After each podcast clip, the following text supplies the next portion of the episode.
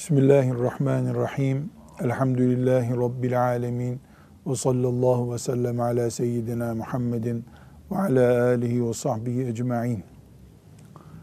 Her bir cümlesi bizim dünya ve ahiret mutluluğumuzu sağlayacak olan hadisi şerifler okuyoruz. Bu hadisi şeriflerle amel edersek bu amelimiz bizim dünyamızı da ahiretimizi de umduğumuz mutluluğa götürür diye inanıyoruz. Allahu Teala'dan bize bunu kolay kılmasını niyaz ediyoruz. Bugün İmam Nevevi rahmetullahi aleyhin Riyazu Salihininden 159. hadisi şerifi okuyacağız. Bu hadisi şerifi El-İrbad İbn-i Sariye radıyallahu anh isimli bir sahabi bize naklediyor. Hepimiz bildiğimiz gibi e, sahabiler Resulullah sallallahu aleyhi ve sellem Efendimiz'den artık onun yanında ne kadar bulunma şerefiyle şereflendilerse o kadar ki dönemde duydukları şeyleri, gördükleri konuları, gördükleri şahsiyetleri daha sonra e, kendilerinden sonraki nesillere taşıdılar. Onlar da biz Resulullah sallallahu aleyhi ve sellemin sahabisi olan Erbat'tan mesela filanca sözü dinledik dediler. Ondan sonraki nesilde de yavaş yavaş bunlar kitaplara yazıldı. Elhamdülillah bugün bize dinimizi aydınlatan kaynaklar olarak ulaştı. Hamdolsun elhamdülillah. Bu gün okuyacağımız hadisi şerif El-Albad İbn Sariye radıyallahu anh'ın bizzat kendisinin Resulullah sallallahu aleyhi ve sellemin huzurundayken duyduğu e, konuşmasından ve o sahneden e, nakledilmiş bir hatıra. E, zannederim ki bugünkü Müslümanlar olarak biz e, pek çok açıdan bu hadisi şerifi hazmetmeye muhtacız. Gayet dikkatli bir şekilde dinleyelim. Rabbim kalplerimize lütfedip incelik versin ve anlamamız gerektiği şeyleri anlayalım diye dua ederiz. Bu mübarek hadisi şerifi Hafız Efendi teberruken metnini de okuyalım. Hadisi şerifi dinleyelim şimdi. أبي نجيح العرباد بن سارية رضي الله عنه قال وعظنا رسول الله صلى الله عليه وسلم موعظة بليغة وجلت منها القلوب وذرفت منها العيون فقلنا يا رسول الله كأنها موعظة مودع فأوصنا. قال أوصيكم بتقوى الله والسمع والطاعة وإن تأمر عليكم عبد حبشي وإنه من يعش منكم فسيرى اختلافا كثيرا. فعليكم بسنتي وسنة الخلفاء الراشدين المهديين. addu aleyha bin nevacizi ve iyyakum ve muhdesatil umuri fe inne kulle bid'atin dalaletun. Ebu Necih İrbad İbni Sariye radıyallahu anh şöyle dedi. Resulullah sallallahu aleyhi ve sellem bize çok tesirli bir öğüt verdi. Bu öğütten dolayı kalpler ürperdi, gözler yaşardı. Bizler ey Allah'ın Resulü bu öğüt sanki ayrılmak üzere olan birinin öğüdüne benziyor. Bari bize bir tavsiyede bulun dedik. Bunun üzerine Resulullah sallallahu aleyhi ve sellem şöyle buyurdu. Size Allah'a çok saygı duymanızı, başınıza bir Habeşli köle bile emir olsa onu dinleyip itaat etmenizi tavsiye ederim. Benden sonra sağ kalıp uzunca bir hayat sürenler pek çok ihtilaflar göreceklerdir. O zaman sizin üzerinize gerekli olan benim sünnetime ve doğru yolda olan Hulefai Raşidi'nin sünnetine sarılmanızdır. Bu sünnetlere sımsıkı sarılınız. Sonradan ortaya çıkarılmış bid'atlerden şiddetle kaçınınız. Çünkü her bid'at dalalettir, sapıklıktır. Sadaka Resulullah sallallahu aleyhi ve sellem. Hadis-i şerifi okuduktan sonra ben bir özetleyeyim. Erbaz İbn Sariye radıyallahu anh diyor ki Resulullah sallallahu aleyhi ve sellem bize gözleri yaşartan, duygularımızı incelten bir konuşma yaptı. Oradakiler de dediler ki ya Resulallah sanki veda edip gidecek birisinin konuşmasını yaptınız. Yani bir ayrılık mı bu? Bize ne tavsiye edersiniz? diye sormuşlar. Buyurmuş ki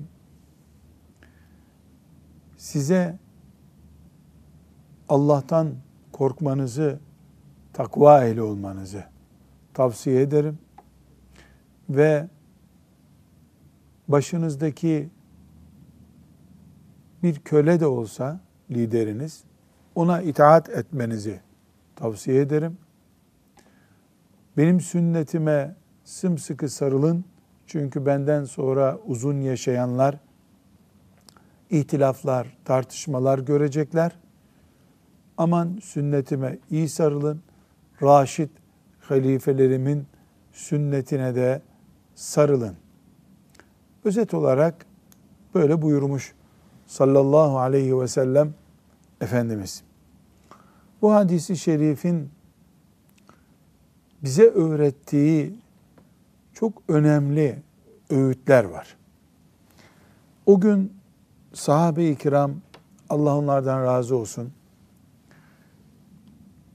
can kulağıyla dinlediler ve gereğini yaptıkları için de Rablerinin razı olacağı bir hayata kavuştular. Eğer bugün biz bir sahabinin Peygamber aleyhisselamı dinlediği gibi dinlemeyi becerebilsek, biiznillahü teala biz de aynı huzuru ve aynı güzel sonuçları bulabiliriz. Dileriz Rabbimiz can kulağıyla dinleyip itaat etmeyi hepimize nasip eder. Erbad ibn Sariye radıyallahu anh bu hadisi rivayet eden sahabi çok farklı özelliği olan sahabilerden birisi. Onun hakkında bir iki mülahaza gündem yapmak çok faydalı olur diye umuyorum. Allahu Teala da bizi umarım şefaatine nail eder. Erbad ibn Sariye ilk Müslümanlardan. Yani Efendimiz sallallahu aleyhi ve sellemin Medine-i Münevvere'de e, gelip İslam'ı devlet olarak tesis ettiği günlerin Müslümanlarından fakir bir sahabiymiş. Tebuk diye bir gazvesi var sallallahu aleyhi ve sellem Efendimizin. Tebuk gazvesi çok uzun e, günler sürdü. Çok sıcak bir mevsimde oldu. Ve ashab-ı kiramın e, cihad etmek için tecihizat bulamadığı bir zamana rastladı. Bu sebeple Tebuk gazvesi yaklaşık olarak 40 bin sahabinin katıldığı bir cihat. O cihatla ilgili Kur'an-ı Kerim'de Tevbe suresinde bilhassa ayetler var. Bu Erbat İbn Sariye radıyallahu anh da o savaşla ilgili yani Tebuk Savaşı ile ilgili bir hatıradan dolayı e, hakkında ayet inenlerden birisidir. E, bu sahabi Tebuk gazvesine hazırlık yapılırken Resulullah sallallahu aleyhi ve selleme gitmiş. belki yanında bir iki kişi daha vardıysa ya Resulallah demişler. Bizim ayağımızda bir terlik gibi bir şey yok. E, elimizde kılıç tutacak kadar bir kılıcımız yok. E, azık alacağız, yanımıza evimizden getirecek azığımız yok. Bir tecihizat, yani savaşa geleceğiz seninle de bir tecihizat bulabilirseniz bize, e, biz de sizinle beraber cihad etmek istiyoruz dedi. Resulullah sallallahu aleyhi ve sellem Efendimiz de ben size verecek bir terlik, bir kılıç parçası yok maalesef veremiyorum buyurdu. Yani cihad etmek istiyor, ayakkabısı yok cihada gitmek için. Elinde tutacak kılıcı yok. Tevbe suresinin 92. ayeti bu konuşma üzerine inmiş. Çünkü bu saat Erbad radıyallahu anh ve yanındakiler eyvah Resulullah sallallahu aleyhi ve sellem bize bir ayakkabı bile veremeyecek cihada gidelim diye. Yürüyecek ayakkabı yürü yani yürüyeceği ayakkabısı yok. Ekstradan bir hediye istemiyor. Diye ağlamaya başlamışlar. Niye ağlıyorlar? Cihada gidemiyorum diye ağlıyorlar. Bunun üzerine bu ağlamalarını Allahu Teala Kur'an-ı Kerim'de bizim kıyamete kadar ayet diye okuyacağımız bir habere dönüştürdü. Tevbe suresinin 92. ayeti indi. وَلَا عَلَى الَّذ۪ينَ اِذَا مَا اَتَوْكَ لِتَحْمِلَهُمْ قُلْتَ لَا اَجِدُ مَا اَحْمِلُكُمْ عَلَيْهِ تَوَلَّوْا وَاَعْيُنُهُمْ تَف۪يضُ مِنَ الدَّمْعِ حَزَنًا اَلَّا يَجِدُوا مَا يُنْفِقُونَ allah Teala onların bir harcama yapacak, bir ayakkabı alacak, paralarının bile olmayışından dolayı Efendimiz sallallahu aleyhi ve selleme gelip bize bir şeyler ver, biz de cihada gelmek istiyoruz ricasına e, bir çaresizlik içerisinde Resulullah sallallahu aleyhi ve sellem bir şey bulamıyorum demesinden dolayı nasıl ağladıklarını, cihada katılamadıkları için nasıl mahzun olduklarını Allahu Teala Tevbe suresinin 92. ayetinde tescil etmiş. Bu bir sahabi için ne büyük şereftir ya. Ne büyük şereftir. Cihada gitmek istiyor. Ayakkabısı yok. Matarasına su koyacak matara yok. Ya bir gariban sahabi cihad etmek istiyor. Resulullah sallallahu aleyhi ve sellem'den bana ordunun malzemelerinden ver işte diyor. Peygamber aleyhisselam da yok. O ise e ne yapalım ben e, madem öyle evde bekleyeyim demiyor. Çocuk gibi ağlıyor. Ve bunu Allah samimi bulduğu için böyle bir riya, gösteriş, şov yapma türü bir şey olmadığından samimi bulduğu için allah Teala bunu Kur'an'ında ayet haline getiriyor. O ayet Tevbe suresinde ve biz onu okuyoruz. Bir sahabi için şeref olarak yeter bu. Allah ondan razı olsun. Kur'an onun gözyaşlarının dine hizmet heyecanıyla aktığını demek ki bize aktarıyor. Bu onun namına büyük bir şeref, bizim namımıza da büyük bir ibret. Bir ibret. Bugün şüphesiz ayet inmiyor. İnmeyecek de. E, dolayısıyla bizden herhangi birimiz şu işi yapamıyorum ben, eyvah dinime hizmet edemiyorum diye ağlayacak olsa e, bu ayet olup Kur'an'a yazılmayacak. Ama onu gördüğü gibi Allahü Teala görüp Kur'an'ına ayet diye yazdığı gibi bugün de o duyguları samimi bir şekilde yaşayan mümini melekler aynı şekilde kaydediyorlar demek ki.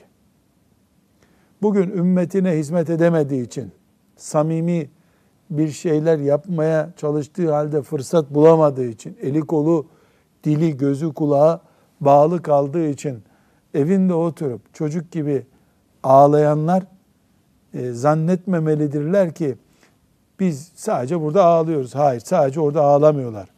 Erbat radıyallahu anh bir şey yapamıyorum ben, dinime hizmet edemiyorum diye çocuk gibi ağladı. Kur'an'da ayet oldu. Tevbe suresinin 92. ayeti oldu. O samimiyetle bugün gözyaşı akıtanlar, ümmetim namına bir şey yapamıyorum diye dertlenenler, kahrolanlar, ezilenler, kederlenenler, biiznillahü teala kıyamet günü bu irbad ile beraber dirilirler. Dertli kullar çağrıldığında, ümmetine, insanlığa bir şeyler yapmak istediği halde fırsat bulamayıp yapamadığı için gözyaşı akıtanlar gelsin dendiğinde elbette başlarında İrbad radıyallahu anh olur ama bugünkü gözü yaşlılar da onun peşinden giderler biiznillahü teala.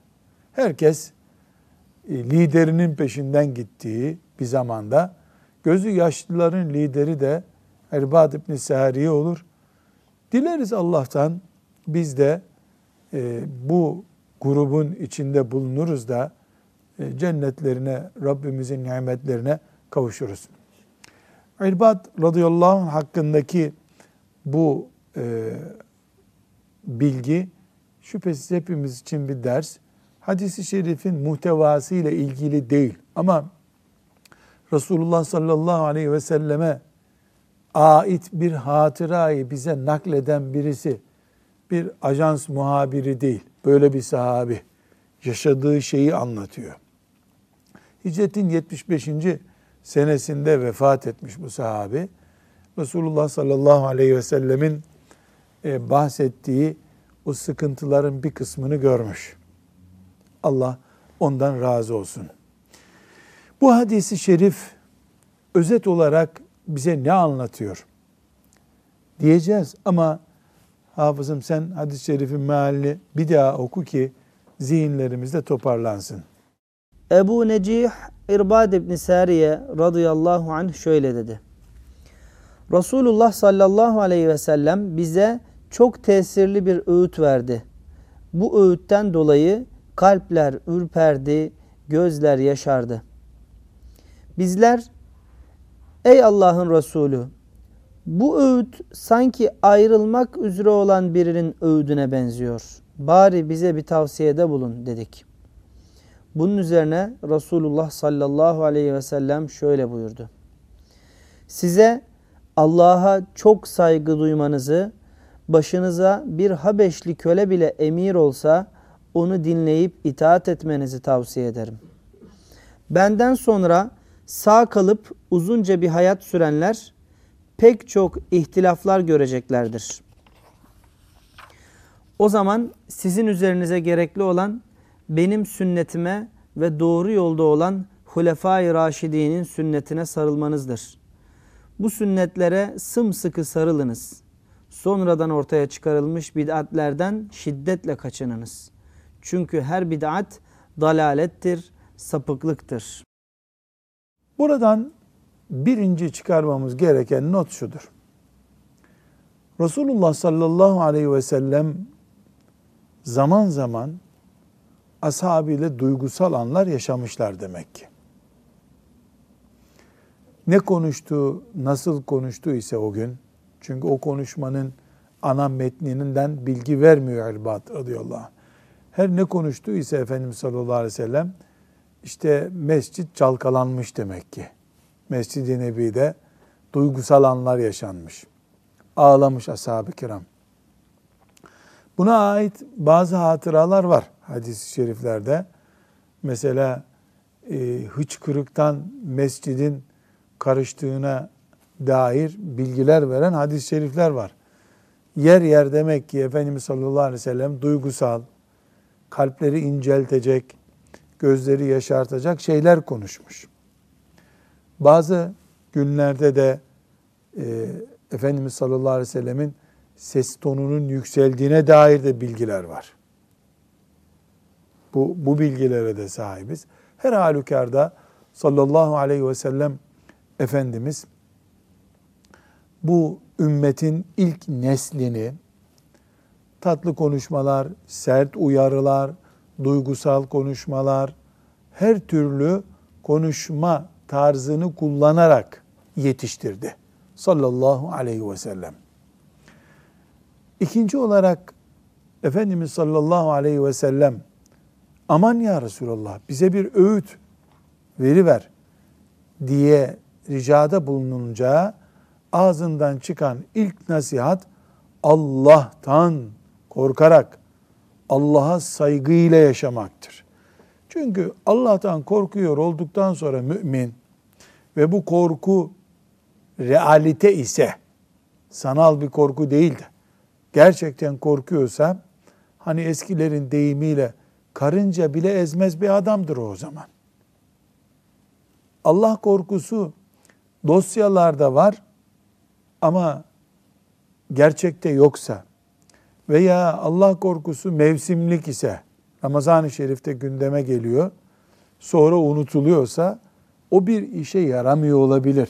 Sürekli Allah'tan korkan kimliğimiz bizim Resulullah sallallahu aleyhi ve sellem Efendimizin üzerimizde var olmasını istediği kimliğimizdir. Allah'tan korkan insan. Ne demek Allah'tan korkmak? Yasakladığı şeylerden uzak durup emrettiği şeyleri yapmak demektir. Yani bunun adına takva diyoruz biz. Şu demek değil. Takva ol. Allah'tan kork. Tamam ödüm patladı. Sabah namazında neredeydin? Yok. Sen Allah'tan korksaydın sabah namazına kalkardın. Allah'tan kork. Çok korkuyorum. Peki zekat nerede? Yok. E Allah'tan korkuyordun hani. Öyle değil. Allah'tan korkuyorsam zekatta problemim yok demektir. Allah'tan korkuyorsam faize yaklaşamam demektir.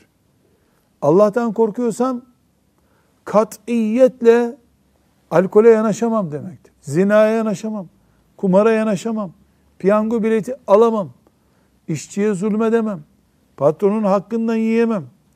Eşimin hakkını yok kabul edemem. Evlatlarımı Allah'ın emaneti kabul ederim. Allah ile berabermişim gibi bir hayat yaşamaya ben onu görmüyorsam da o beni görüyor ya diyerek Allahu Teala'nın huzurunda olduğumu kabul etmeme ve bunu pratik bir şekilde işime, gücüme, düşünceme yansıtmama takva diyoruz. Bu Resulullah sallallahu aleyhi ve sellemin birinci tavsiyesi. İkinci tavsiyesi çok önemli. Bizi yönetenlere itaat etmemizi istiyor. Allah'a itaat edin, takva sahibi olun. Allah'tan korkarak ve ona saygı göstererek yaşayın. İkincisi sizi yönetenlere itaat edin. Hatta e, bununla ilgili hadisi şeriflerde burada da zikrediliyor. Enteresan bir benzetmesi var sallallahu aleyhi ve sellem Efendimizin. Kulağı kesilmiş, zenci bir lider de olsa, yani bir insanın kulağı kesilmesi demek, çocukken esir düştüğünü veyahut da işte organ mafyasına düştüğünü filan gösteriyor. Yani toplum içinde çok muteber biri değil ama olmuş, lideriniz olmuş, itaat edin. Ne demek itaat edin? Aykırı davranmayın demek. Burada e, çok hassas bir konu bu. Açıkça Resulullah sallallahu aleyhi ve sellem Efendimiz Allah'ı birinci konu yaptıktan sonra vatandaşlığı yasal çizgiler içerisinde sürdüren Müslümanlık profili çiziyor bize. Bu kadar kolay ve net. Hadis-i şerif sahih. Efendimiz sallallahu aleyhi ve sellemin böyle, böyle buyurduğundan bir şüphemiz yok. Başka hadis-i şerifler de var zaten. Yani bu tek başına böyle değil. Burada mümin insan kargaşa çıkaran, huzursuzluk çıkaran, yasalara baş kaldıran bir insan olmamalı demek ki. Olduğu zaman aleyhissalatü vesselam Efendimizin tavsiye buyurduğu hayat tarzının dışında yaşıyordur. Peki Müslüman vatandaşı olduğu toplumun anarşik ve terörist yapılanmasında parmağı olmayan insan olacak. Müslüman toplumda yasalar Allah'ın rızası peşinde olanların itaat ettiği bir yasal düzenlemedir diye anlaşılıyor. Bu liderleri, Müslüman toplumları idare eden liderleri bir tür hani Avrupalılar için deniyor ya Tanrı'nın gücünü kullanan otorite o duruma mı getiriyor? Hayır. Hayır. Asla öyle getirmiyor. Şartsız, kayıtsız itaat edilen herhangi bir lider yok bizim dinimizde. Şartsız, tartışmasız Resulullah sallallahu aleyhi ve sellemin önünde diz çökeriz. Onun dışında Ömer'e bile hey Ömer diyen kadın vardı Medine'de. Ebu Bekir radıyallahu anh bile kayıtsız şartsız itaat istemedi. İstese de kimse onu yapmazdı zaten. Sınırı yok, kuralı yok. Muhakkak itaat ediyorsun. Böyle değil. Üçe ayırıyoruz. Bir Müslüman vatandaş olarak bizi yönetenlerin karşısındaki konumumuzu üçe ayırıyoruz.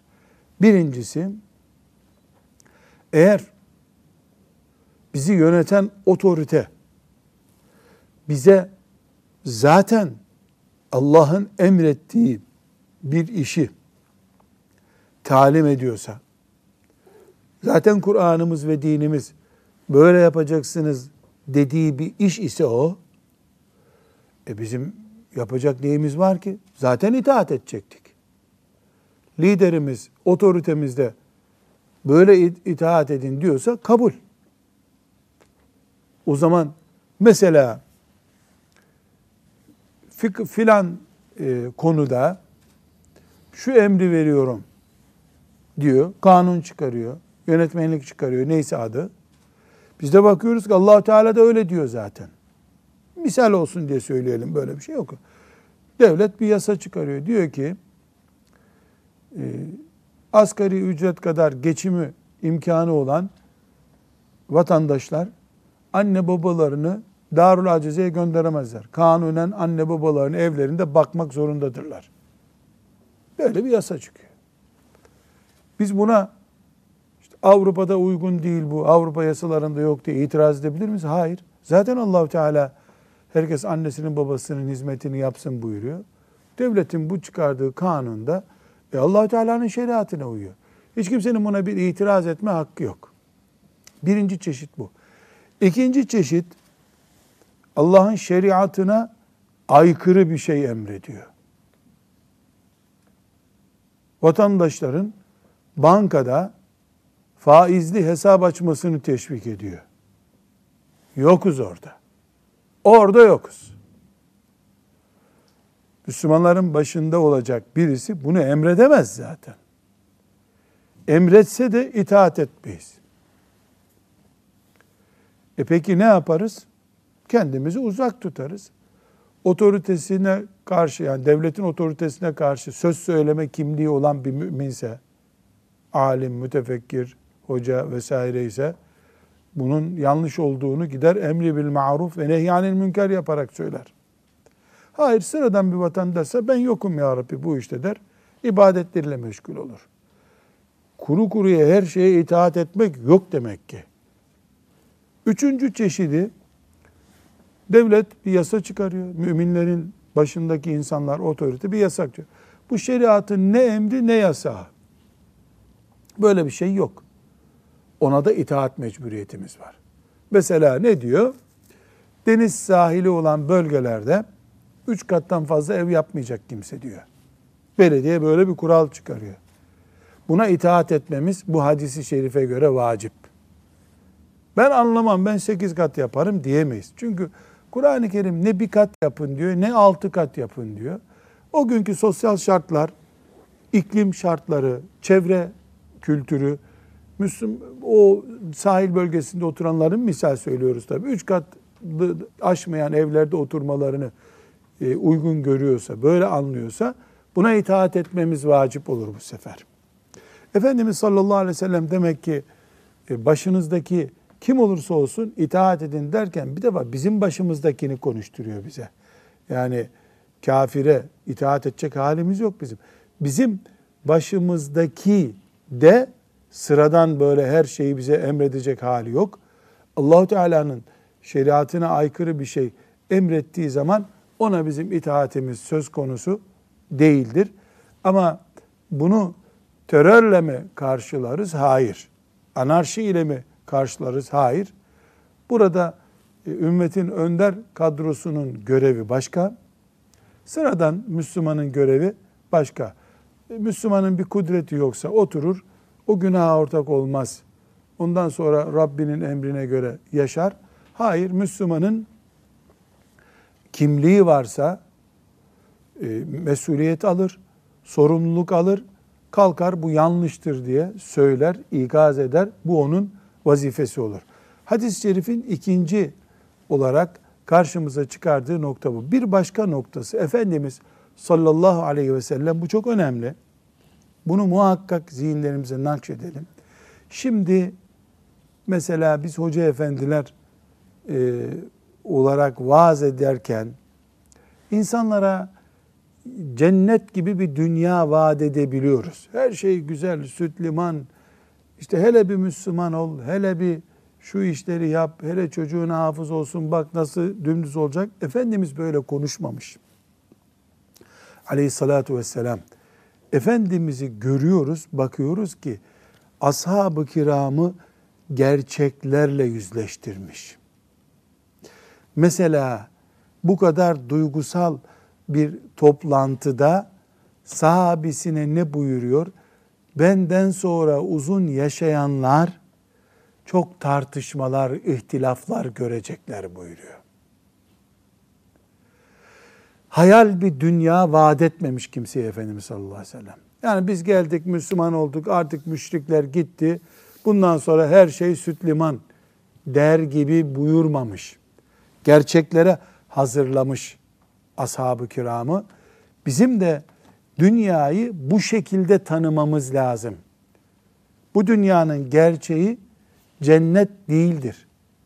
Bu dünya cennetin dışında bir yerdir. Hiçbir sorun ve hiçbir huzursuzluğun olmayacağı yer cennettir. Dünyada Müslüman huzursuzlukla karşılaşır. Müslüman olmayan zaten yanıp kavruluyor. Dünya imtihan yeridir. Huzur dolu bir yer değildir. Huzursuzluk için tam bir çöplüktür dünya. Bir sivrisinek çöplüğüdür dünya. Bunu Efendimiz sallallahu aleyhi ve sellem ashabına açıkça söylemiş. Onlar da bu tartışmalara karşı kendilerini hazırlıklı kabul etmişler. Ya da yani Efendimiz sallallahu aleyhi ve sellem bize haber verdi. Dolayısıyla e, biz mazeret yok mecbur hazırlayacağız kendimizi diye düşündüler. Bu arada Efendimiz sallallahu aleyhi ve sellem ihtilaf zamanında, tartışma zamanında ne yapacağız diye bir soru sorulmadan cevabını veriyor. Sünneti eksen alacağız. Madem Müslümanlar tartışıyorlar, madem Müslümanlar farklı farklı yönlere açılıyorlar, o zaman kurtuluş nedir? Riyazu Salihin mi bu kitap? Evet. Bu Riyazu Salihini anayasa gibi alacağız tartışmalarımızda. Riyazu Salihindeki konuları kendimize ana kabul edeceğiz. Diğer konuları ferahat edeceğiz. Tamam ondan vazgeçtik diyeceğiz. Tartışmayı gidermenin başka bir yolu yoktur. Mesela ben bu kardeşimle tartışıyorum. Öbür kardeşim de farklı bir alanda tartışıyor. İşte dördüncü kişi de mesela bu dizayn konusunda, buranın dizaynı konusunda tartışıyoruz. Bu böyle mi olmalı, böyle mi olmalı, bu buraya mı konmalı tartışıyoruz. Bu tartışmada eğer büyüyecek, alevlenecekse tartışma tek çıkar yolumuz var. İki görüş onda var, iki görüş bunda var, dört görüş bunda var, sekiz, üç görüş de bende var, on bir görüş ediyor. Alacağız Riyazu Salihini, örnek sünnet kaynağı diye Riyazu Salih'inden söz ediyorum. Ne deniyor? Kıbleye dönmek sünnettir diyor. Buranın kıbleye dönük olması Resulullah sallallahu aleyhi ve sellemin burayla ilgili ölçüsü. Vazgeçemeyeceğimiz tek şartımız bu o zaman. Diğer on görüşün hepsini yok kabul edeceğiz. Kıbleye dönük olsun nasıl olursa olsun diyeceğiz. Tartışma bitecek. Ondan sonra kendiliğinden aramızda bir olgunluk oluşacak. Ayrıntıları, dizaynı tekrar yapabileceğiz. Eğer o dört tane sabit görüşüyle, ben üç tane sabit görüşümle, o da iki tane sabit görüşüyle masaya oturup bir çözüm bulmaya çalışırsak asla böyle bir çözüm bulamayız. Herkes kendi görüşünü vazgeçilmez kutsal görüş kabul edecek çünkü. Vazgeçilmez kutsal görüş Resulullah sallallahu aleyhi ve sellemin görüşü olacak. Asgariye indirmiş oluruz ihtilafı bizden feragat ederiz. Biz kendi isteklerimizden vazgeçeriz. Resulullah sallallahu aleyhi ve sellemin istekleri baş olur bize. Bunu yapamadığımız zaman şeytan her birimizin isteğini put haline getiriyor.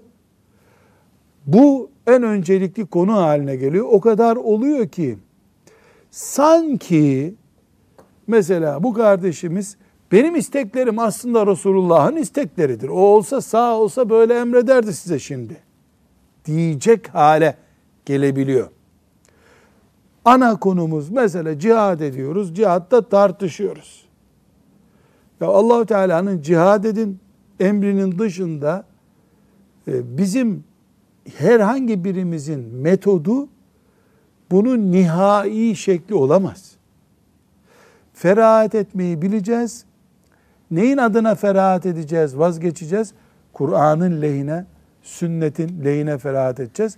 Sünnet kelimesine bu arada görüyoruz ki Efendimiz sallallahu aleyhi ve sellem kendisinden sonraki Ebu Bekir, Ömer, Osman, Ali radıyallahu anhumun e, uygulamalarını da sünnet olarak Peygamber sallallahu aleyhi ve sellemin sünneti gibi karşımıza çıkarıyor.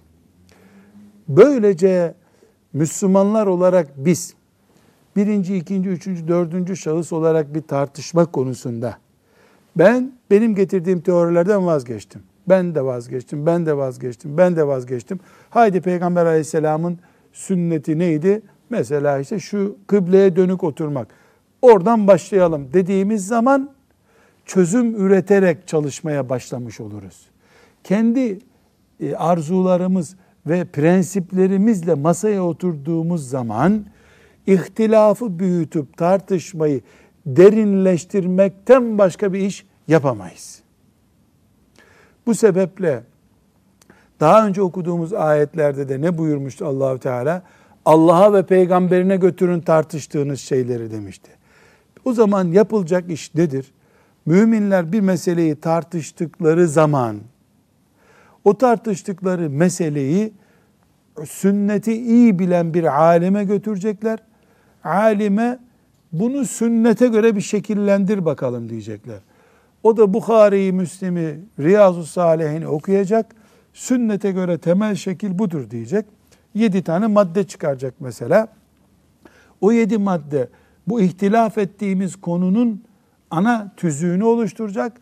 O yedi maddede olmayanlar geri çekilecekler. Diyecekler ki tamam biz gerisinden vazgeçtik. Böylece Kur'an'a ve sünnete teslim olmuş olacağız. Aksi takdirde kendi görüşlerimizi putlaştırıp bile bile Allah'ın razı olmayacağı bir yerde derinleşmiş oluruz maazallah. Sonra ne buyuruyor Efendimiz sallallahu aleyhi ve sellem? Bir de son madde. Bid'ate dikkat edin. Bid'atler sapıklıktır buyuruyor. Bid'at nedir? İbadet olarak yapılan ama sonradan çıkmış şey. Ali radıyallahu anh'ın vefatından sonra yani hicretin büyük rakamlarla konuşalım. 40. senesinden sonra Müslümanlar neyi ibadet diye yaptılarsa bid'attir o. Bu bid'at sapıklıktır. Sen istediğin kadar güzel gör bunu. İstediğin kadar güzel gör. Resulullah sallallahu aleyhi ve sellem Efendimiz bunu övdü mü, emretti mi ona bakacağız biz. Bunun dışında kurtuluş, selamet yok. Tekrar Allah İrbad ibn Sariye'den razı olsun. Çok güzel bir hatırayı bize nakletti. Hem onun tatlı Müslümanlığını burada duymuş, tazelemiş olduk. Hem de Resulullah sallallahu aleyhi ve sellemin bize haber verdiği ümmetinin ileriki dönemlerine ait zor günlerde ne yapmamız gerektiğine dair tavsiyesini duymuş olduk ve bundan bir özet çıkardık. Bu ümmetin içinde tartışma bizim fikirlerimizle, bizim düşüncelerimiz, bizim vakfımızın, bizim hoca efendimizin, bizim tarikatımızın görüşlerini masaya oturttuğumuz zaman bu tartışma kıyamete kadar bitmez. Bir çözüm yok burada. Efendimiz sallallahu aleyhi ve sellemin sünnetini esas alan bir zeminde çözüm aradığımız zaman 10 dakikadır bütün sorunlar. Peki, şöyle bir soru çıkacak. Bu ara alime gittik, alim dedi ki hadisi şeriflerde böyle bir bilgi yok dedi. Çok güzel. O zaman biz madem Kur'an'da ve sünnette böyle bir zemin yok, niye bunu Allah rızası için yaptığımızı söylüyoruz? Sosyal bir iş yapıyoruz biz o zaman. İbadet değeri yok bunun. Madem ibadet değeri yok, mer'i yasalara göre yaparız o zaman. Din kılıfı niye giydirdik buna biz? Allah için ibadet yapıyoruz diye giydir. E bunun sünnette esası yok. Alim dedi ki bize bunu sünnette bulamıyorum. Böyle bir örneği yok bunun. Demek ki bunu ibadet diye yapmıyoruz biz. Sosyal bir iş olarak yapıyoruz. O zaman çok daha kolay çözüldü sorun. Çünkü kavga neden derinleşiyor? Bu zatın, bu hoca efendinin, bu başkanın, bu zenginin, bu fakirin isteklerini din diye ortaya koyuyoruz biz. Yapmayan günaha girer diyoruz. Aslında yokmuş dinde o mesela. Eğer dinde esası varsa asgari müşterek şartlarımızı o sünnetteki maddeler oluşturacak. Değilse biz gereksiz yere dinimizi yıpratarak kavga ediyoruz demektir. Dinimizi yıpratmaktan daha büyük bir tehlikede maazallah yok. Sallallahu aleyhi ve sellem ala seyyidina Muhammed ve ala alihi ve sahbihi ecma'in velhamdülillahi rabbil alemin.